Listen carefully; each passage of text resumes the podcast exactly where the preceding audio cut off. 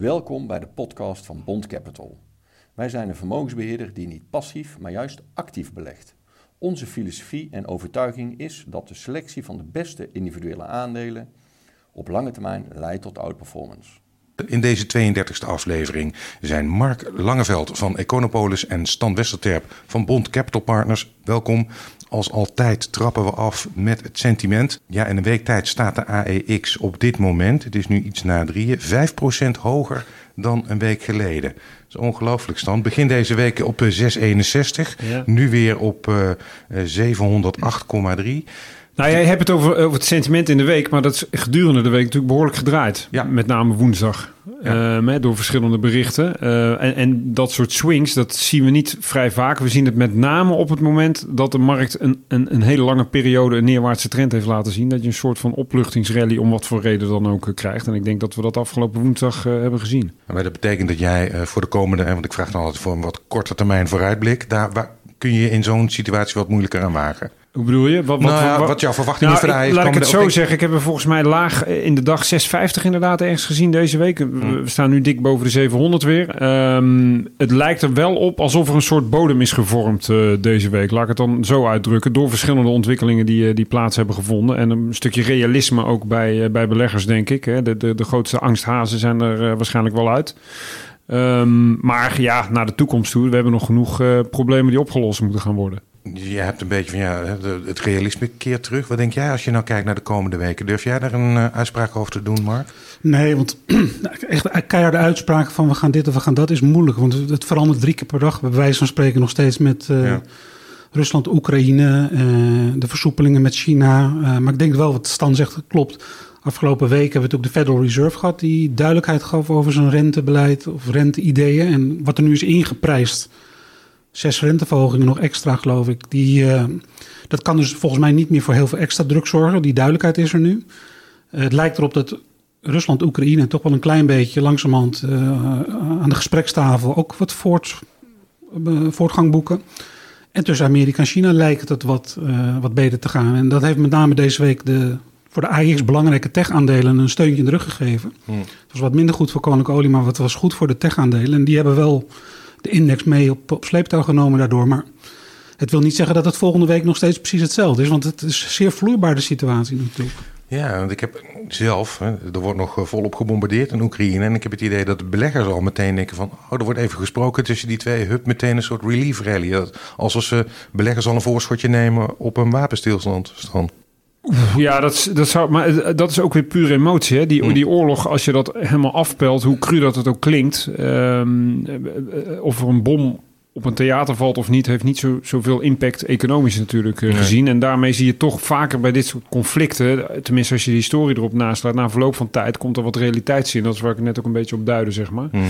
Ehm, en, en natuurlijk, de, de, ja, je moet een beetje zien welke kant dat op gaat bewegen. Er zijn nog steeds risico's dat het helemaal de verkeerde kant op gaat natuurlijk. Maar eh, men is er wel een beetje aan gewend geraakt. De eerste schok zijn we voorbij, zeg maar, van, het, van wat er is gebeurd. Ehm, en dan komt er dus wat meer realiteitszin. Ehm, en jouw vraag was hoe...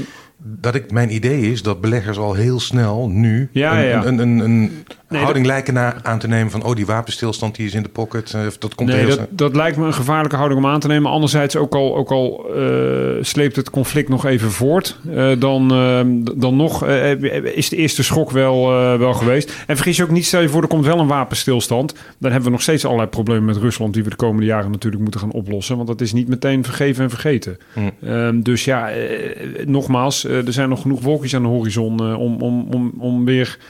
eh, het is niet zo dat we nu ineens weer richting oude niveaus eh, heel snel zullen herstellen, vermoed ik. En ik kan me voorstellen dat eh, als je kijkt naar de economie, is vertrouwen heel belangrijk. Zo'n conflict kan natuurlijk ook het consumentenvertrouwen. Of bijvoorbeeld, we hebben in Duitsland het ZTW-index gezien afgelopen eh, week. Eh, laagste sinds eh, begin jaren 90, sinds ze met die meting zijn begonnen, Mark. Is dat nog reden tot zorg dat er een crisis optreedt door gebrek aan vertrouwen? Ja, natuurlijk. eh, ik denk dat we eh, op een recessie afstevenen doordat eh, de, de koopkracht van ons allemaal wordt getroffen door hogere voedingsprijzen, hogere energieprijzen. En dat gebeurt natuurlijk nu al dagelijks in de gasprijzen, maar ik denk dat dat in de voedingsprijzen de komende maanden, weken ook nog wel gaat doorcijpelen. En dat betekent toch dat iedereen die een paar honderd euro overhield in de maand ja, dat is misschien, die houdt nu niks over. Hm. Dus daar, dat betekent toch dat er wat consumptieve bestedingen misschien worden, wat minder zullen worden. Dus ik denk dat we aan een recessie niet zullen ontkomen. Dus dat is de slechte kant van het verhaal. En zeker voor de oude economiebedrijven heeft dat die niet zoveel pricing power hebben om stijgende inputkosten door te uh, verwerken naar klanten. Is dat pijnlijk, de marges? Um, anderzijds, centrale banken uh, zullen misschien, uh, terwijl we de laatste paar weken natuurlijk behoorlijke Havix-uitspraken hebben gehad van zowel Amerika als de ECB, misschien wat minder toch genegen zijn in een recessie om die renteverhogingen door te voeren. Waardoor als zij daarmee eerder zullen stoppen dan nu is ingeprijsd, is dat weer een steuntje in de rug. Dus het is een hmm. beetje wikken en wegen tussen de bedrijfsresultaten, hoe goed die zullen blijven. En dan anderzijds of centrale banken de inflatie blijven bestrijden. Of dat ze wel zullen inzien dat ze niet moeten gaan verhogen in een recessionaire situatie. Het CPB is inderdaad deze week ook met een scenario naar buiten gekomen van een recessie, waarschijnlijk korte duur. Maar ja, hoe reëel dat scenario is, hoe groot de kans is dat dat zou gebeuren. Ja, uh, dat, Mark gaat uit van wel. Wat denk jij, Stan? Nou, ze werden ook een beetje uh, gewezen op het, de, eigenlijk de naïviteit waarmee ze de eerste ramingen natuurlijk deden. En dan hebben ze een soort addendum gemaakt van oké, mm. nou als alles misgaat, dan kunnen we ook nog in een recessie terechtkomen. En die kans is inderdaad uh, is, is zeker aanwezig. precies om wat Mark zegt. Hè. Die stijgende inflatie zorgt toch voor het, het terugtrekkende beweging van, van consumenten en, uh, en bedrijven. Um, en het kan dus zomaar omslaan in een, eh, in een recessie. Van de andere kant, en daar ben ik me ook wel heel erg van bewust. Iedereen zit nu een beetje op hetzelfde spoor. Hoge inflatie, rente omhoog, uh, dat soort zaken. Maar als je kijkt waar die inflatie vandaan komt, is het met name, zeker na die oorlog in Oekraïne, het was al zo, maar gedreven door menselijk gedrag de, de, het is een disruptie in het, in het aanbod. Daar zullen er ongetwijfeld nog allerlei speculanten overheen komen die die prijzen nog verder omhoog jagen. En niet alleen in olie en, en gas, maar ook in nikkel en dat soort uh, grondstoffen. Stel je voor, gewoon even hypothetisch, morgen is er vrede in, in de Oekraïne. Dan zou het zomaar kunnen zijn dat die prijzen ineens normaliseren. Dan kan je na verloop van dit jaar kan je gaan zien dat ook de, de, de aanbodkant normaliseert. Hè. De chiptekorten waar we eerder al problemen van hadden.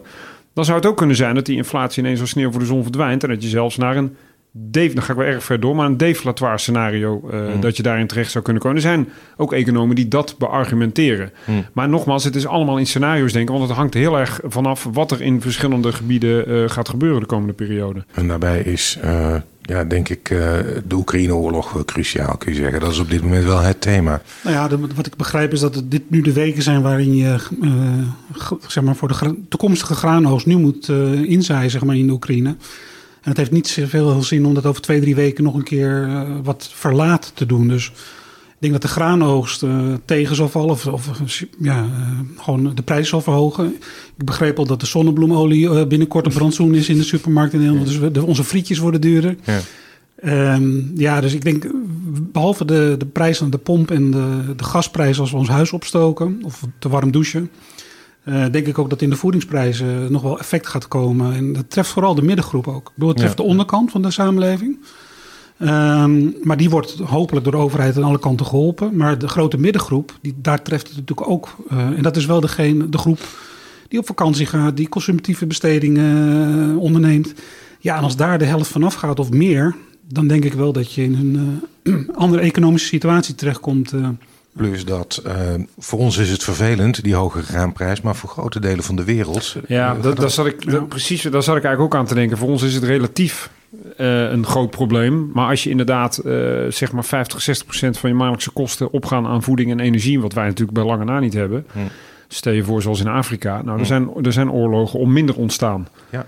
Dus als eh, dat, dat, plaatje wat Mark schetst bewaarheid wordt, dan krijg je in dat soort regio's kan je echt hele grote problemen gaan, uh, gaan verwachten. Maar goed, dat zie je met een vertraagd effect. Dat zal over een half jaar tot een jaar moeten gaan blijken. Dan. Je noemde het net al, um, Mark, uh, die centrale bank in Amerika, de Fed, kwart procent verhoogd. Maar eigenlijk, uh, de markt reageerde daar niet zo heel sterk op. Ja, nee, want we gingen omhoog op het uh, soort bezit van de zaak, einde van het vermaak, of hoe je het wil noemen, andersom. Um, kijk, de markt prijst al een tijdje uh, tussen de zes en de zeven renteverhogingen voor dit hele jaar in. En nog eens drie of vier in 2023. Uh, er was zelfs een beetje angst dat er 50 basispunten zou worden verhoogd. Nou, het is bij een kwartje gebleven. Uh, en met de uitleg erbij dat we er nog wel qua de, de dotplot zeg maar, nog zes zien gebeuren dit jaar. Als dat nu is ingeprijsd en om de hoek ligt nog steeds het scenario dat ze misschien dit niet kunnen voltrekken als de, de economie toch minder uh, hard groeit dan dat ze nu denken. Hm. Um, dan kan het alleen maar meevallen. En ik denk de verwachtingswaarde zeg maar, van toekomstige renteverhogingen. Die, uh, ik, ik, verwacht zelf dat er helemaal geen zes verhogingen nog extra zullen zijn. Want ik denk dat zowel in Europa als in Amerika um, uh, risico bestaat op stagflatie dus. Ja. En ja, dat is niet een scenario waarin je de rente maar blijft verhogen. Je zal op een gegeven moment dan toch het geweer van schouder moeten wisselen, zeg maar, als centrale bank zijnde. En dan uh, denk ik dat we de beurs een enorme uh, rally nog zien maken vanaf dat moment. Als centrale banken toch weer wat gaan verruimen, zeg maar. Jouw stem knikken. Nee, ja, het is heel interessant. Aan de ene kant kijk je, oké, je wil de economische groei niet afremmen of de economische neergang uh, stimuleren of niet stimuleren door inderdaad te stoppen met renteverhoging. Aan de andere kant, inflatie wil je wel afremmen. Dat is natuurlijk een groot probleem. In de jaren 70 hebben ze daar bijna tien jaar mee eh, lopen stoeien. Totdat Volkler uh, kwam en zei: hop, rent op 20%. Toen was het afgelopen met die, met die hoge inflatie. Dan worden er al heel snel vergelijkingen met die periode gemaakt. Maar we zitten nu wel echt in een, ander, uh, in een, ander, uh, ja, in een andere periode. Sowieso de economische groei is sterker op dit moment. En wat ik ook nog wil toevoegen is: we hebben het met name nu over Amerika. Maar vergis je niet dat Europa inderdaad ook best wel hawkish is geweest uh, uh, afgelopen periode. Hè? Klaas Knot zei het ook. Nou, ik zie eigenlijk gewoon de beleidsrente volgend jaar deze tijd rond 1, 1,5 procent staan. Dat betekent dat zij ook zes keer een kwartje zouden moeten gaan verhogen vanaf deze niveaus. Mm. Na de zomer wel te verstaan, want we zijn nu nog aan het opkopen in Europa. Ja. Maar, als, maar als, als, als, het belangrijkste deel van de inflatie toch in die energie- en voedingsprijzen zit, dat is niet morgen afgelopen als we de rente met twee of drie nee, kwartjes verhogen. Want eens. we houden een tekort aan uh, zonnebloemolie en aan, aan gas en uh, noem het maar, maar op. Dat zal ja. zo blijven, ook al verhogen we de rente tien keer dit jaar. Ja, ja. Uh, en dus als het probleem met name door de supply side wordt veroorzaakt en niet zozeer door een oververhitte vraag, denk ik dat een rentepolitiek waarbij je een aantal kwartjes verhoogt, minder efficiënt is dan. en dan moet je gewoon wel, ook als centrale bankier, denken van ja, is dit wel de weg waar ik uh, Europa naartoe of Amerika naartoe wil dwingen? En, mm. ja. Um, ja, dat, Wat is het alternatief als je niet uh, zou verhogen? Uh, accepteren dat de, de economie gewoon nu wat, wat minder hard groeit. Uh, en uh, dat de reële rentes en de reële lonen ja. onder druk blijven staan. Hmm. Ja, of je, je kan ook lange rente misschien wat proberen. daarmee je balans wat af gaan bouwen in plaats van al die renteverhogingen. Of een combinatie, ja. Het is, ja. een moeilijke, moeilijke problematiek. Ja. ja, en je moet de bron van de huidige inflatie moet je tackelen. Dus dat is inderdaad, als we niet van de Russen willen, geen gas willen importeren, dan zullen we alternatieven moeten hebben het zij uh, het zon, wind, uh, biogas, uh, maar ook bijvoorbeeld kernenergie. Dus ik denk dat Duitsland wel de prijs betaalt nu. Als een soort importboycott gaan doen op Russisch gas. Dat ze die acht of negen kerncentrales hebben dichtgegooid. Daar zullen ze nog wel zwaar over na moeten denken. En Frankrijk is natuurlijk al om. Die heeft al 52 kerncentrales en bouwt er nog eens 14 bij. België is nog niet om, maar heeft het er wel over. Wij in Nederland hebben bij ons begrotingsakkoord ook al besloten om twee tot drie extra kerncentrales volgens mij te gaan bijbouwen. Ja, ja goed, die staan er niet morgen. Maar uh, ik denk dat we in Europa moeten accepteren dat we jarenlang beleid van energietransitie voorrang geven op energiezekerheid. De komende jaren zullen we moeten omdraaien. Dat energiezekerheid, als we het licht niet overal uit willen zien gaan. Hm. Uh, dus energiezekerheid gaat nu voor energietransitie waarbij ik wel uh, zal onderkennen, de energietransitie moet niet stoppen. Maar we moeten nu ook wel voor energiezekerheid gaan, denk ik. En niet de fout maken dat we heel naïef afhankelijk willen blijven van allerlei uh, kwalijke landen. Ja. Nou ja, daar, daar kwam in de jaren zeventig met olieembargo natuurlijk ook de grootste problematiek. Hè? Die stagflatie eh, vandaan. Dus inderdaad, als je dat wil voorkomen, dan, dan zul je uh, toch even misschien minder populaire keuzes moeten maken. Maar inderdaad voor, voor energiezekerheid moeten kiezen. En in de achtergrond in sneltreinvaart uh, die transitie uh, moeten, verder moeten aanjagen. Ja. ja. Ik denk dat het de beste manier is om de inflatie te tackelen. Ik denk die renteverhogingen, dat is misschien leuk voor de buren... dat je straks kan zeggen van nou, we hebben het toch gedaan... en als de economie in een recessie gaat, dan gaan we de rente weer verlagen.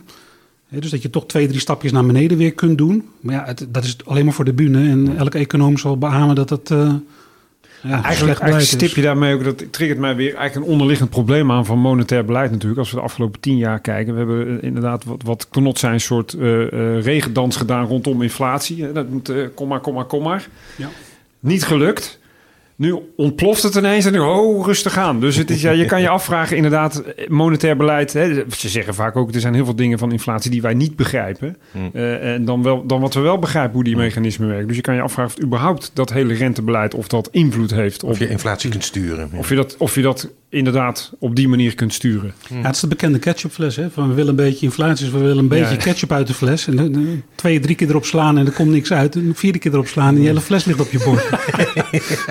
dat is de inflatie, ja. Ja, Ja. lastig. Voor we verder gaan, even een oproep. Ik zei het al, eens in de twee weken spreek ik met Salahedin Boumidi van online broker IG, partner van Beurstalk. Hij zal ingaan op vragen van luisteraars, dus als u een vraag heeft over uw portefeuille, een aandeel, derivaat of een andere vraag, mail het naar rob.beurstalk.com, dan bespreek dat met Salahedin. De zesde aflevering van de rubriek hoor je aan het eind van deze podcast, na de reguliere disclaimer. China is al gevallen eh, in deze uitzending. En ook al over het feit dat het een krankzinnige week was. Aandelen daar daalden met tientallen procenten om daarna weer te herstellen. Eh, delen van China ook weer in lockdown. Zal China Rusland blijven steunen of niet? Het zijn allemaal dingen die meespelen. Als jij dat zou moeten omschrijven wat daar gaande is, Mark. Nou, tot deze week was er voornamelijk, eh, waren de risico's heel groot. Want eh, zowel door de, de boycott van de wereld op bijvoorbeeld de Huawei-producten... eh, dat, daar hadden veel Chinese bedrijven toch wel last van. Daarnaast deed de Chinese overheid natuurlijk ook een duit in het zakje... door met name de projectontwikkelaars naar het Evergrande-probleem... Ehm, maar ook de techspelers vooral veel extra regulering op te leggen. Waardoor, dat vonden beleggers en aanhouders natuurlijk ook niet leuk. Ehm, dan door COVID, eh, wat op, weer op, oplaaide zeg maar, in China. eh, eh, ook wat, wat zorgen over de economie lokaal. Ehm, nou ja, je, je kan het wel doorgaan. Er waren een aantal factoren die gewoon ten koste gingen van de Chinese waarderingen. En ook de discussie in Amerika over ADR's, dus de, de Amerikaanse equivalenten van Chinese aandelen. Ehm, daar was met name de Amerikaanse beursautoriteit, die wilde gewoon meer disclosure hebben van Chinese bedrijven. En de bedrijven die dat niet konden geven, die zijn eigenlijk nu eh, gedwongen om zichzelf te delisten. Nou ja, dat heeft natuurlijk ook impact gehad op de hele sector. En ineens was daar afgelopen woensdag het bericht dat China eh, dat soort bedrijven zou gaan supporten. Dat de pesterijtjes van de, de projectontwikkelaars en de techbedrijven al zo'n beetje aan het einde zijn nu. Dat er eh, een levende discussie en een positieve discussie gaande tussen Amerika en China op het gebied van die ADR's, die listings in Amerika. Ehm, en dat Rusland, of tenminste de, ja, de Rusland-Oekraïne-situatie, dat China daar niet zeg maar, de kant van Rusland a priori zou kiezen. Nou, die vier factoren zorgden voor een enorme rally in Chinese tech-aandelen. Ik geloof dat op Hongkong die dag de tech-index 20% omhoog ging. En waardoor de Alibaba's en de Tencents en de Baidu's eh, ook, ook flink omhoog gingen. Ja, en nu hebben we natuurlijk de nieuwe situatie dat eh, alle problemen zijn nog niet uit de weg. Die zijn er nog steeds natuurlijk onderliggend. Maar er zijn wel wat normalere waarderingen eh, gekomen. Waarbij er nog steeds een significante onderwaardering is. Want een Alibaba is 60% lager dan een jaar geleden. Een Tencent 40% lager dan een jaar geleden. Terwijl die bedrijven maken, net als hun Amerikaanse equivalenten... zoals Google of eh, het maar Amazon, op... eh, hele gezonde winsten. Alleen de Amerikaanse bedrijven staan nog steeds hoger dan een jaar geleden. En de Chinezen staan dus gemiddeld 50% lager. Dus dat maakt het aan de ene kant, als je puur naar waardering kijkt, super aantrekkelijk. Maar wel, je moet in je achterhoofd houden dat er wel wat andere risico's aan vastkleven. Maar ja, aan de andere kant, die risico's die heb je eigenlijk net benoemd. Maar daar zie je dus eigenlijk wel verbetering. Ja, ja daar gaat het de goede kant op, laat ik het zo zeggen. Ja. Stel je voor, Stan, dat Amerika en China en Europa eh, ja, weer beter gaan samenwerken. Meer een... Ik ben nu te enthousiast. Nou ja, kijk, eh, ehm, China is natuurlijk wel gedwongen om kleur te bekennen eh, de afgelopen periode. Ehm, hè, over haar positie in Rusland, inderdaad. Hè, we hebben nog het problematiek van Taiwan, waar we nog wel zo even over zullen praten. Maar ook inderdaad eh, zakelijk op financiële marktengebied, waar dit natuurlijk al langer speelt. En je eigenlijk zag ehm, vanwege deze problematiek dat met name professionele beleggers eh, uit het Westen gewoon zich echt een terugtrekkende beweging maakten uit die Chinese grote, eh, met name IT-bedrijven. Met als gevolg een duikvlucht, als gevolg een duikvlucht van al die koersen. Inderdaad, Alibaba bijna 60% eraf in een jaar. En het was al ondergewaardeerd ten opzichte van de Amerikaanse co- collega's. Ehm, en nu zie je dat inderdaad het, het risico van delisting is afgenomen. Het, het, risico van verdere regulering is afgelopen. Uh, of of is, is, uh, is, is kleiner geworden. Uh, waar met name heel veel westerse beleggers met argusogen naar, naar keken. En als je dan nu weer naar waarderingen gaat kijken... Ja, laat ik, het, laat ik het zo zeggen, als Alibaba een Amerikaans bedrijf was geweest, dan had het drie keer hoger gestaan nu qua koers. Hm. Dus dat zegt wel iets over de discrepantie uh, in waardering. Uh, het is gewoon het grootste techbedrijf van, uh, van China met miljarden dagelijkse gebruikers. Um, de, het geld spuit eruit inderdaad. Ze hebben heel veel bezittingen, zowel in cash als in investeringen in andere bedrijven op de boeken staan. Dat geldt trouwens voor Tencent ook. Hm. Ja, die waarderingen, daar zouden Amerikaanse beleggers van smullen. Alleen ja, je hebt die problematiek rondom die Chinese overheid die, uh, die erbij komt. En laten we hopen dat dit een begin is inderdaad van het ja, normaliseren van, van die verhoudingen. Maar jij zou, uh, kijkend vanuit beleggersperspectief, die aandelen voorlopig even met rust laten? Nee, wij, wij, wij hadden ze al omdat we die waardering uh, uh, een half jaar geleden al laag vonden. Maar goed, het bleek nog veel lager te kunnen. Uh, nu heb je wel een kent. Dus we zijn altijd blijven zitten sowieso. Ja, als, je, als je kijkt bottom-up naar een bedrijf, het fundament is goed. Maar onze allocatie naar China is wel beperkt vanwege deze problematiek. Hè. We, zijn wel reëel. Als je daar van, van bovenaf naar kijkt, macro-economisch, ja, dan zie je gewoon geopolitiek dat er een aantal issues zijn. Hmm de, uh, wat, extra risico's vormt. En dus ook uh, rechtvaardig dat die waarderingen uh, een stuk lager zijn. Alleen het was wel erg ver doorgeschoten nu. En het blijkt inderdaad dat China ook bereid is om die bedrijven juist te ondersteunen. Want die begrijpen volgens mij ook wel dat een delisting van de grootste financiële kapitaalsmarkt ter wereld, dat dat niet heel erg prettig zou zijn. Hm. Uh, om meerdere redenen. Uh, ja, en dan kunnen toch beleggers weer gaan kijken naar... oké, wat doen die bedrijven nou ook weer precies? Hoeveel verdienen ze daarmee? Hoe groeien ze? Uh, grootste markt uh, van de tweede economie ter wereld. Ja, echt erg interessant. Alleen, ja, vertrouwen komt te voet en gaat te paard. Dus het zal heel lang duren voordat, voordat dat vertr die vertrouwensbreuk... dat dat weer hersteld is. Ja, ja en het, het, het, het klopt ook dat... Ik denk als Hongkong... want daar altijd ook het alternatief voor de Amerikaanse listings... is een listing in Hongkong. En... Daar zijn ze allemaal wel mee bezig, maar het is nog niet klaar. Dus eigenlijk is dat net als wat Europa heeft met de gassituatie. We moeten een transitieperiode door. Ja. Uh, dat is met de Chinese aandelen natuurlijk ook. Uh, en mijn fonds zit wel voor een procent of tien, denk ik, in Chinees. Dus we zijn ook niet volgewogen. Um, en inderdaad in de Alibaba's en Tencent's en of wat Baidu, dat is zeg maar de Chinese Google. En heeft daarnaast heel veel uh, kunstmatige intelligentieprojecten. Uh, hun cash op de, zeg maar, uh, bruto cash als percentage van hun marktkapitalisatie, de beurswaarde, is 55%. Dus de beurswaarde bestaat voor 55% uit cash. Ja. En net cash is het een procent of 25. Ietsje minder, maar nog steeds, uh, als je dat zeg maar eruit zou halen, je zou gaan kijken waar worden nou de onderliggende, uh, noem maar Google-achtige operaties op gewaardeerd in Amerika en in, in Baidu. Ja, er is een wereld van verschil inderdaad. En wat Stan zegt, dat het, er zou drie, vier keer hoger staan. Dat, geldt voor Baidu natuurlijk ook. Uh, mm. En zo zijn er meerdere hele interessante bedrijven. Alleen als belegger in Nederland, particuliere belegger... Mm. je moet je wel realiseren dat uh, de dingen die voor ons normaal zijn... Mm-hmm. die hoeven in Chinese termen niet altijd normaal te zijn. En dat is een extra risico, politiek risico...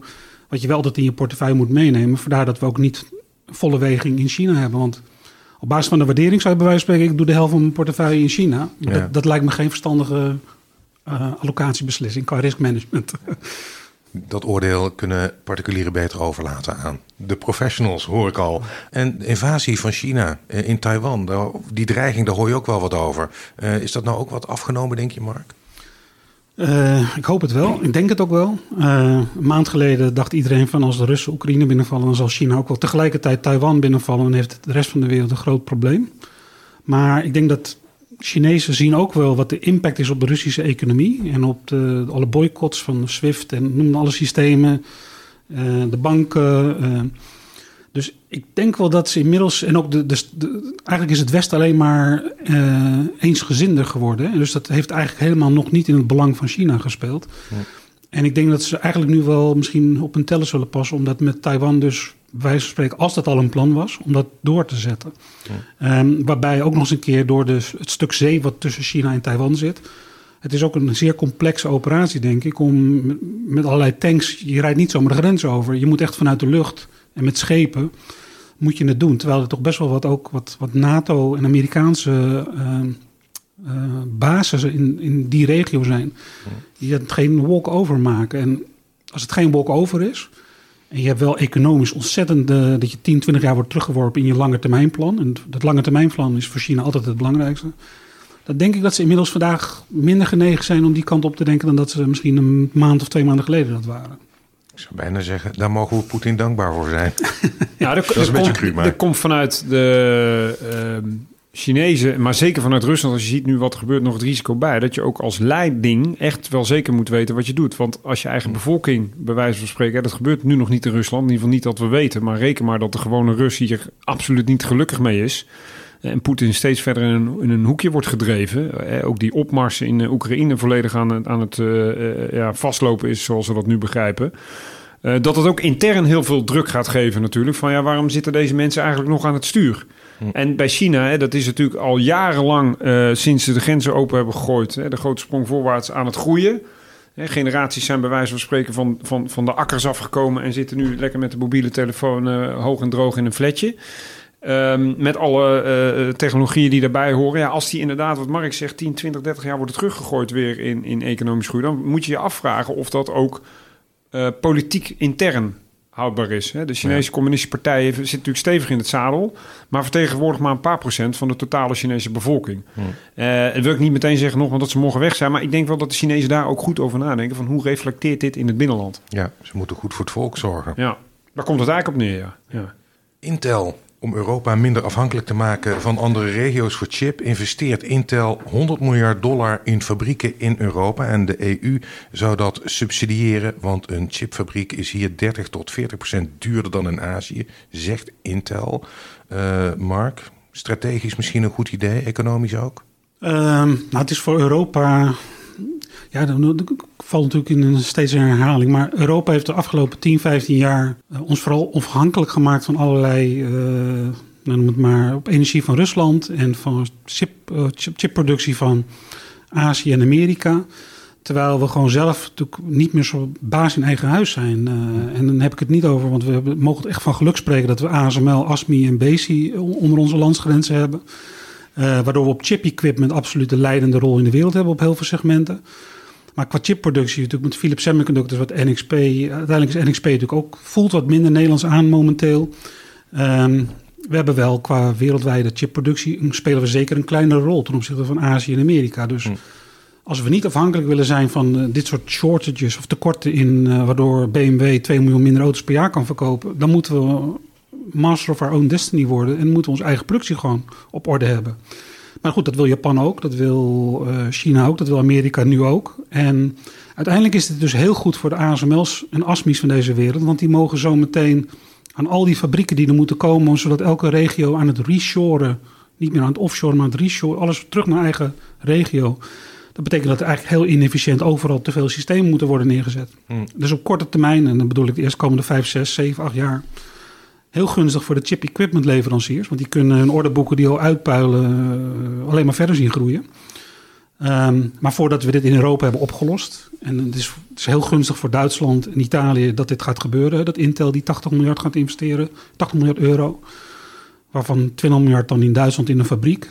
Uh, maar ik vind het wel jammer dat Nederland daar weer niet tussen zit. En ik denk hmm. dat dat weer een, misschien een zijsprongetje, te maken heeft met ons vestigingsbeleid. Dat we Shell en Unilever natuurlijk ook hebben weggejaagd zijn er toch dit soort belangrijke beslissingen, uh, die komen niet naar Nederland toe. Die gaan wel naar Frankrijk, wel naar Duitsland, wel naar Italië. En Nederland die uh, speelt eigenlijk geen rol. Ja, terwijl we net juist inderdaad parels hebben als ASMI en ASML. Ja, dus indirect komt het nog een stuk naar ons toe. En dan moet ik bij zeggen dat de Duitsers, laten we gewoon eerlijk zijn, die hebben de portemonnee, waren bereid meer de portemonnee te trekken dan wij. Want we zeggen wel, Intel investeert, maar ze krijgen heel veel terug via subsidies natuurlijk en, uh, en dat soort zaken.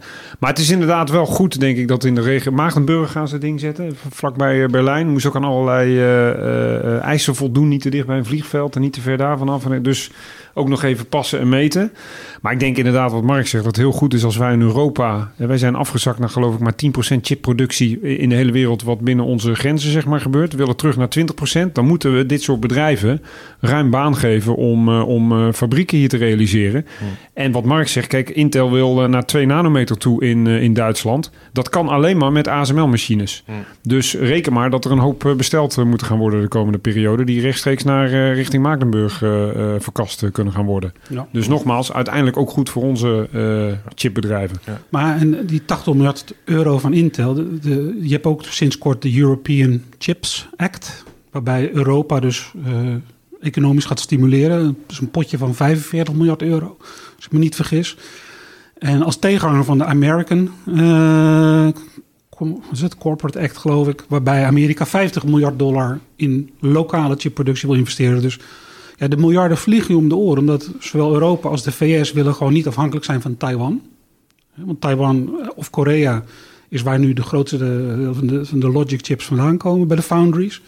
We willen onze eigen chips kunnen produceren voor ons eigen. Nou goed, gelukkig dat ze die wijsheid eindelijk hebben weten te vinden. Maar waarschijnlijk wel tien jaar te laat. En het gaat nog wel zeker zeven tot tien jaar duren voordat we het hier op orde hebben. Ja. en dan komt uh, weer aan de orde Volgens mij heb jij het me wel eens in uh, een aflevering uitgelegd. Je hebt dus een cyclus in uh, de vraag naar chips. Hè, om de zoveel jaar uh, ups en downs, normale varkenscyclus. En ja, ik ben dan bang dat je hetzelfde hebt als hè, we willen de inflatie aanjagen. Ja. dat kikt in op het moment dat die inflatie hoog is. Dus je gooit eigenlijk olie op het vuur. We investeren nu heel veel geld in extra chipproductie in eigen regio. Krijgen we dadelijk niet een overaanbod aan chips? Ja, nou, absoluut. Ik denk, die, die varkenscyclus, dat was voornamelijk twintig jaar geleden. Want er zijn tegenwoordig zoveel fronten waar de techsector op groeit. Mm. Qua digitale transformatie, dat het uh, op meerdere vlakken uh, de chips kan leveren. Waardoor dat varkenscyclus-effect een stuk minder is. En een soort digitale transformatie-effect eigenlijk groter is en het dwars doorheen loopt. Mm. Maar het klopt, als we natuurlijk over zeven, acht jaar overal in de wereld nieuwe fabrieken gaan uh, opstarten Terwijl misschien de vraag over 17 jaar, die zal zeker groter zijn dan vandaag. Maar misschien wel niet zo groot als de extra supply die erbij komt. Loop je op dat moment wel een risico dat het minder efficiënt is. En hmm. dat is als je alle investeringen concentreert in Korea en Taiwan, dan gaat het heel efficiënt. Hmm. Maar als we overal in de wereld fabrieken gaan neerzetten, dan, ja, dan heb je het risico dat als het eenmaal staat, dat je tijdelijk weer in de capaciteit moet groeien, zeg maar. Hmm. Ja, ik denk deze vraag werd soortgelijk onlangs gesteld aan Peter eh, Wenning, bestuursvoorzitter van ASML. En die zei eigenlijk, hè, die hebben al een vooruitblik uh, gegeven tot en met 2030 zelfs. Nou, ook heel knap dat een bedrijf al zo ver vooruit kan kijken, redelijk concreet. Maar die zei ook, ja, het zou best wel kunnen zijn uh, in die cycliciteit dat er misschien één of twee kwartalen wat uh, chips te veel zullen hebben. Maar over het algemeen zal de vraag groter blijven dan het aanbod. Waarbij hij inderdaad aangeeft dat hij, denk ik, als hij het niet weet, wie weet het dan wel, dat die rugwind die in de chipsector natuurlijk er is inderdaad door digitalisering, door de technologische innovatie, dat die nog jaren uh, uh, voortzet. Uh, en we moeten eerst maar zorgen dat we de tekorten wegwerken... voordat we u, ons überhaupt alweer zorgen gaan maken... over eventuele overschotten over een aantal jaar. Um, en voorlopig is, is er nog geen sprake van, van, een, van, een, van een chip-overschot. Nog lang niet. Ja. En wat dat betreft, Intel moet natuurlijk Samsung Foundry en Taiwan Semiconductor inhalen. Dat willen ze. En de ASML EUV-machines vandaag kosten wat gemiddeld 160, 165 miljoen euro. Ja. De high-NA machines, die komen in 2025, die zullen 260, 270 miljoen uh, gaan kosten, gemiddeld per apparaatje. Maar de nieuwste generatie high-NA, en die heeft Intel al besteld, die gaan meer dan 300 miljoen euro per apparaat kosten. Ja. Je hebt het over mega grote machines. Ex-onderhoud en uh, service ja. en uh, software, et cetera, et cetera. Dat zeg ik, we mogen echt als Nederland apen trots zijn dat we zo'n mooi bedrijf in onze landsgrenzen hebben. Um, en uh, vooral koesteren, want daardoor spelen we wereldwijd op technologiegebied als belangrijkste enabler van heel veel innovaties echt wel een, een dingetje mee. Hm. Maar dat ligt ook weer volgens mij, dan ga ik even filosoferen, politiek weer heel gevoelig. Hè? Het, het, is niet voor niks dat dat in Nederland wel kan, groot kan worden. Wij zijn natuurlijk in die zin een westers land uh, met westerse uh, normen en, uh, en, en waarden en regels en wetten. Stel je voor dat zo'n bedrijf inderdaad op een, een eiland als Taiwan of, of een of andere, andere politieke, eh, geopolitieke hotspot uh, daar zo'n ontwikkeling zou plaatsvinden, dan zou dat ongetwijfeld ook tot uh, waarschijnlijk tot allerlei schermutselingen gaan leiden. Dus hè, ook trots dat we het hebben, maar dat ligt ook aan, aan, uh, aan ja, gewoon puur het land het dat wij zijn. Het ecosysteem waar het in zit. Ja. Ik ga naar iets totaal anders, Stan. Er was namelijk een onmerkelijk bericht deze week over Starbucks. De ja. topman Kevin Johnson stapt op. Hij heeft vijf jaar aan het roer gestaan van dat concern. En ineens weg. Nou is er een hoop gaande, dus een beetje onrust binnen het bedrijf. Ja, hij heeft, hij, heeft, hij heeft 13 jaar in de board gezeten, waarvan inderdaad uh, vijf jaar als chairman. Hij heeft het ook niet onverdienstelijk gedaan, maar bij, bij Starbucks uh, speelt natuurlijk van alles. Uh, de, de, achtergrond is natuurlijk de, de koffieketen die ontzettend hard aan het groeien is, al decennia achter elkaar en ook nog door gaat groeien. Um, maar inderdaad, hè, je hebt de, de, de, grondstofprijs, de koffieprijs schiet omhoog. Uh, je hebt natuurlijk het, het, feit dat zij ook in China grote exposure hebben. Ook in Rusland uh, een paar van die winkeltjes hebben. Uh, het feit dat in Amerika inderdaad vakbonden op lokaal niveau beginnen op te komen. Wat zorgt voor, voor potentiële looninflatie. Wat natuurlijk weer slecht is. Want er zijn heel veel barista's tussen haakjes in, in Starbucks vestigingen ter wereld. Um, en in, in, in, die, in, in, die problematiek ehm, komt nu Howard Schultz terug. Ja. Eigenlijk de, de, de, de ja, het is niet de oprichter. Hij heeft het groot gemaakt. Hij heeft Starbucks ooit gekocht met het idee van ik ga dit groot maken met een aantal investeerders. En dat is hem natuurlijk uh, absoluut uh, gelukt. Hè? Dus echt de geestelijk vader van, uh, van Starbucks. Mm. Um, is toen al een keer weggegaan. Is nog een keer teruggekomen. En nu komt hij op zijn bijna 70-jarige leeftijd voor de derde keer als interim CEO terug. En dat vond ik ja. toch wel heel opvallend. En zeker die groei waar we het net over hadden. Starbucks heeft inmiddels iets van 30.000 vestigingen. 32.000. Precies, in, in de wereld. En ze willen binnen nu en tien jaar naar 50.000 vestigingen toe. Dus dat geeft nog wel aan dat daar ook daar nog een flinke groei, uh, groeipotentieel in zit. Ja, en Howard Schultz is wel de man die dat voor elkaar kan krijgen. Nou, hij zal er, niet zo, hij zal er niet zo lang zitten, maar hij, hij, hij weet altijd wel op een bijzonder ludieke manier af en toe ook uh, mensen op andere gedachten te brengen of, of te motiveren. Dus ik vind het wel een hele interessante uh, ontwikkeling. En je zag ook dat aandeelhouders daar positief op reageerden. Ja. Vind je het zelf ook een interessant aandeel? Ja, als je kijkt naar de, de waardering, hoe die af is gekomen. Kijk, het is natuurlijk Amerikaans. Het is, het, het, het, het schurkt. Het is hoge groei. Dus de waarderingen die, die zijn ook vaak wat hoger. Um, um, maar het was de laatste tijd ook met, samen met tech toch best wel hard afgekomen. Dan denk ik, als je kijkt naar die groei, hè, die ambitie ook gewoon om bijna het aantal filialen nog eens te verdubbelen in de komende naar 2030 toe. Met uh, de winstgevendheid die daarachter zit. Want er is bijna geen enkel filia uh, Starbucks filiaal dat geen netto winst produceert. Hm. Ja, dan is dit een heel interessant aandeel op deze niveaus. Gaan door naar de luisteraarsvragen. En uh, de eerste vind ik uh, geknipt voor jou, Mark, over Prozus. Een luisteraar zegt, wat is er met Prozus aan de hand? 1. JP Morgan haalt Prozus van de lijst. 2. Cazenove verlaagt het advies voor Prozus van overwogen naar neutraal. 3. Hetzelfde effectenhuis verlaagt het koersdoel van 87 naar 47. Tencent krijgt mogelijk een recordboete voor witwassen. Rusland hoofdpijndossier voor Prozus. Prozus is wel gestegen met 23% van 49,56 naar 52,79. Ik heb ze maar verkocht. Wat maak jij daarvan? Nou, die eerste drie punten, volgens mij gaat het, het is steeds hetzelfde. JP Morgan en hm. Cazenove, dat ja. zijn dezelfde... In feite dezelfde Dat is dezelfde, hetzelfde okay. huis. Ja. Um, dat witwassen, het is niet dat Tencent zelf uh, witwast, maar via WeChat, dat is zeg maar hun WhatsApp, uh, wat in Azië heel veel wordt gebruikt, maar ook als betalingsapp. Uh, daar hebben in ieder geval lieden die misschien niet helemaal door de beugel kunnen, een manier gevonden om dat systeem, dat platform, te misbruiken voor ja, witwasdoeleinden. Dus het is niet Tencent zelf, maar gebruikers van. Dus je kan Tencent kwalijk nemen dat ze hun KYC, Know Your Customer principes misschien niet goed hebben uitgevoerd. Dus daar zal de boete voor, voor waarschijnlijk voor komen. En dat kunnen ze denk ik met technologie oplossen. En ja, waarom de koers staat waar die staat. Ik denk dat we het er al eerder over hebben gehad. China-aandelen hebben een enorme dreun gehad. En de belangrijkste belegging van Proces is natuurlijk al ja. 20, 30 jaar uh, belang in Tencent uh, wat ze hebben. Ja. En nu handelt het al op een flinke discount. Um, en dat is alleen maar groter geworden. Want de andere belangen van Proces in Rusland zijn natuurlijk nu afgeschreven. Ja. Uh, ze hadden ook een soort marktplaatsachtige producten in Oost-Europa. Nou, dat, uh, en, en, in Rusland. Um, ze hebben een aantal uh, natuurlijk food delivery, zoals takeaway of just die takeaway-achtige um, activiteiten wereldwijd. Um, als je die combinatie ziet van al die activiteiten, dan hebben ze gewoon wat tegenwind de laatste paar weken, maanden gehad. Maar ik denk verergerd door het China-effect en het feit dat ze er niet heel veel aan konden doen, anders dan dat je een investment holding bent. Maar ook daar, als je de waardering in Tencent eigenlijk veel te laag vindt, en ook nog eens een keer dan weet dat dit aandeel ten opzichte van de, de onderliggende waardes op een 50% discount handelt, korting. Dat zijn andere kortingen dan dat je bij Heineken Holding en Heineken hebt, zeg maar, uh, in, ja. in de kortingensfeer. Of vroeger met Moire Enim en Koning. Ja, ook, oh, ga ik over heel lang terug. Dat soort structuren, dan, dan is het echt wel heel interessant om naar te kijken. Ik heb positie uh, in dit aandeel, dus ik ben bevooroordeeld, moet ik mm. wel eerlijk bekennen. Mm. Maar ja, waar we nu staan, dat slaat eigenlijk helemaal nergens op. Nee. Want deze meneer die sluit af met ik heb ze maar verkocht. Heeft, de, handdoek, nou, heeft, heeft de handdoek in de ring gegooid. Ja, maar dat verbaast me altijd zo. Dat heeft dus puur met sentiment te maken. Want Mark houdt hier net een vlammend betoog waar ik het helemaal mee eens ben over het fundament van de onderneming. Dat het eigenlijk gewoon hartstikke goed is. Zeker gericht op groei, innovatie. Ehm, eh, ook nog een heel groot bezit in, in, in een van de grootste techbedrijven ter wereld. Hè, die op haar beurt ook weer allerlei belangen heeft in allerlei andere technologiebedrijven. Ja, en om dan maar te zeggen, ja, ik verkoop ze maar omdat de koersen bewegen. Ja, dat vind ik, dat, vind ik, dat, hmm. dat is echt, uh, sorry dat ik het zeg, particulier gedrag. Dat moet je niet hmm. doen. Beleggen doe je voor de lange termijn. Als je vertrouwen hebt in iets en fundamenteel verandert het plaatje niet, moet je gewoon rustig blijven zitten in dit soort tijden.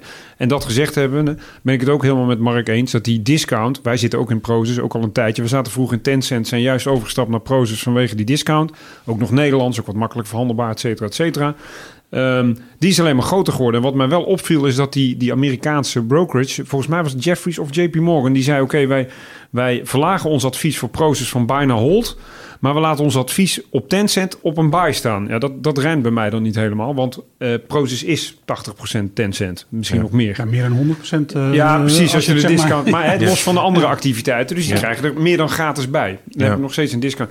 Dus uh, ik ben het helemaal met Mark eens. Gewoon rustig blijven zitten. En wacht maar totdat de markt en het sentiment wat normaliseert rondom dit soort bedrijven. Ja, en ook het management van Proces of CEO. Die, die kocht gewoon nog recent bij op 67, 68 euro. Dus uh, eh, 30% hoger dan waar we nu staan. Daar werd nog gewoon door het management bijgekocht. Dus dat vind ik ook een teken van, nou, die hebben in ieder geval vertrouwen in wat ze doen. Ja. En dat die onderwaardering toch langzamerhand wel wat kleiner zal moeten worden.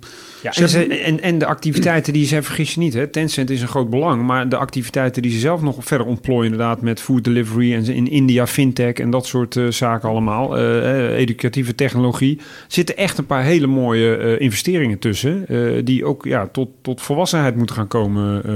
dat gaat niet van de een op de andere dag, maar er zit echt wel meer waarde in proces dan alleen maar dat belang in Tencent. Vraag 2 vond ik een hele aparte en ik denk ja, eigenlijk een gekke vraag, maar de, de heeft, het intrigeert mij ook wel een beetje. Die luidt namelijk als volgt. In de Oekraïne wordt massaal onroerend goed vernietigd.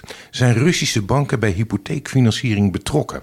En dat is aan de ene kant ja, misschien een vraag die voor ons heel moeilijk te beantwoorden is, maar ik vond het wel interessant. Er is natuurlijk al eh, decennia een, eh, meer een open handelsrelatie met Oekraïne eh, en Rusland. Er wordt nu heel veel vernietigd in Oekraïne. En de schade daarvan die slaat misschien ook wel neer bij ja, Europese of Nederlandse bedrijven. Ja. Uh, ik denk dat, ik weet niet welke Russische banken wel of niet bij betrokken zijn, maar ik kan me voorstellen dat met name in de oostelijke regio's dat er best wel wat Russische invloeden zullen zitten. En de, in de Lviv en de, en de Kiev-kant heb je natuurlijk voornamelijk Oekraïense banken. Hmm. Maar die zijn in handen vaak van Russische oligarchen. Hmm.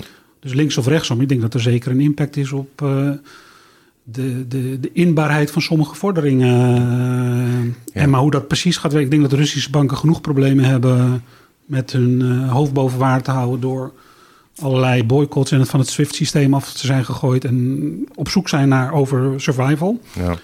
Ehm, en dit komt er als bijkomend probleem bij, uh, denk ik. Maar ik heb Vooral geen, een probleem wat waarschijnlijk daar zit. Ik heb geen getallen of specifieke namen. Of, uh, maar ik kan me voorstellen dat het een bijkomend probleem is. Ja. Ja, ik denk als je onderpand, daar is niet meer collectible natuurlijk. Nee. als je dat gefinancierd hebt. Het triggert mij wel even een andere uh, kleine uh, sprongetje te maken. Het feit dat Rusland gewoon als betalingsverplichting heeft gedaan. Hè? Dit, de, renteverplichtingen uh, deze week. Ze moesten een paar honderd miljoen betalen, geloof ik. Ja. En dat hebben ze netjes via Citigroup uit mijn hoofd uiteindelijk voldaan zonder dat Citigroup de sancties heeft overtreden. is toch ook alweer opvallend. Dat er dus toch wel mogelijkheden zijn om, uh, om gewoon het, uh, het betalingsverkeer, internationale zakelijke uh, financiële systeem niet volledig op te blazen. niet, niet, alle banken waren ook van SWIFT afgegooid. En de vraag is wel: hoe komt Rusland nog aan die dollars om de verplichtingen in dollars te voldoen? Want Volgens mij staat alles geblokkeerd op rekening inderdaad. Dus uh, ze wil dat ook in roebels voldoen liever. ja, dat zou ik ook wel willen doen. Ja. Die kan ik onge ongebreideld bijdrukken. Maar dat, dat, zou sowieso al een breach zijn geweest volgens mij. Volgens de, ik had inderdaad... Nee, het is wel opvallend dat ze toch gewoon blijven betalen. En dat ze ook betalingswil hebben. Dus ze willen zelf niet een default. Dat is, dat is, dat is heel duidelijk. Dus ik zou ook bij wijze van spreken middelvinger op kunnen steken. Nou, zoek het dan maar uit ook. Dan krijgen jullie ook niks meer van ons. Nee, uh, dat klopt. Ik had inderdaad uh, de default van Rusland uh, in de voorbereiding zitten. Maar ja, inderdaad, ze hebben betaald. Dus dat kon ik skippen. Volgens mij is over die betaling eerst via JP Morgan. En van JP Morgan naar Citigroup ja, gegaan. Precies, ja, ja, ja, opvallend. opvallend. De laatste vraag is: het historisch gemiddelde van de 10 rente op Treasury bills ligt rond de 5% en het gemiddelde marktrendement na correctie voor inflatie rond de 8%. Dat betekent dat in mijn ogen eh, de historische beloning voor risico van aandelen 3% is. Nu de rente praktisch op nul staat, betekent dit niet dat het verwachte rendement in de toekomst veel lager zal zijn dan in het verleden? Vraagteken, namelijk rond de 3%. Ja, dat is de, de, de aandelenpremie, zoals je dat eigenlijk noemt. De equity premium, dat klopt inderdaad. Eh, kijk, die gemiddeld 5% ben ik het niet helemaal mee eens. Zeker niet als je het laatste decennium uh, kijkt natuurlijk. Maar het klopt inderdaad wel dat de aandelenpremie gemiddeld 3, 4% boven, boven de risk-free rate uh, ligt, om het zo maar te zeggen. Dus als, je, mm. als die nul is, dan kan je ervan uitgaan dat inderdaad de aandelen gemiddeld 3 tot 4% het beter zouden moeten doen. Ja. On average. Ja. Nou, misschien nog uh, door de huidige opgelopen. Als, als, kijk, wat, als het 4% historisch of 3% is historisch is geweest, volgens mij is het inderdaad eerder 4 dan 3 dat het historisch is geweest. Dus dat is het extra rendement wat aandeelhouders eisen om te beleggen in aandelen. Um, als door de huidige correctie uh, die risk premium in Europa bijvoorbeeld is gestegen naar hoog enkelcijferig, 8, 9 procent, hm. dat kan. Dan is het ook vanaf dit moment uh, als je weer verwacht dat die risicopremie van 8, 9 procent gaat teruglopen naar de, de, de, terug naar de mean van 3, 4 procent, dan ga je de komende jaren wel wat meer verdienen dan die 3 procent waar eh, deze luisteraar het over heeft. Ja, ja. Dus maar net op, als je naar de historie kijkt, kan het een gemiddelde zijn, maar je moet eigenlijk naar kijken van ten opzichte van dat historisch gemiddelde, wat de riskpremium vandaag is. En ik denk dat we vandaag misschien wel twee of drie keer zo hoog zitten door de oorlog. En als dat er weer uitloopt, dan heb je zeker de komende jaren heb je een extra rendement wat je kunt maken ten opzichte die verwachte lange termijn 3, 4 procent. Ja. We zijn aan het eind gekomen van de podcast. Dat betekent dat je meteen door mag met je tip voor de luisteraar, Mark. Ja. Um, uh, Laat me raden, tech. Nou ja, ja, ja, een klein beetje wel. Ik, ik, ik, zit ook te kijken naar wat we nu met onze uh, energie moeten doen, wat er met voeding gaat gebeuren. Welke landen zijn nou minder gevoelig voor uh, de energietekorten die we nu gaan zien. Waarschijnlijk heel veel. Als ik dan naar Noorwegen kijk, vind Noorwegen vind ik een. Dus het is een wat algemenere tip. Noorwegen zit vol met olie en gas. Dus die hebben huidige, uh, profiteren van de huidige stijgende prijzen. Maar ze zitten ook vrij groot in zalmkwekerijen. Dus ook qua voedingsmiddelen uh, kunnen ze ook volop exporteren. Ze exporteren heel veel. Het is een rijk land. Ik zou als belegger, uh, dat is dan mijn algemene tip van vandaag, uh, vooral eens kijken naar Noorwegen als aanvulling op je portefeuille. En daar heb je ook tech, daar heb je ook voedingsbedrijven. Uh, kijk dan eens naar Nordic Semiconductor. Een leuk partijtje, geen grote Infineon of STM, maar een kleine partij. Maar kijk vooral eens naar Noorwegen als een klein gedeelte van je portefeuille om daarna te differentiëren. Oké, okay. Noors aandelen.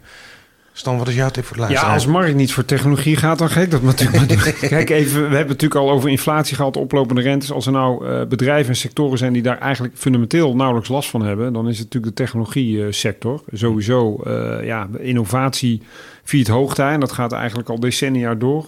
als je de ontwikkelingen bekijkt en er is geen enkele reden om aan te nemen dat dat stopt.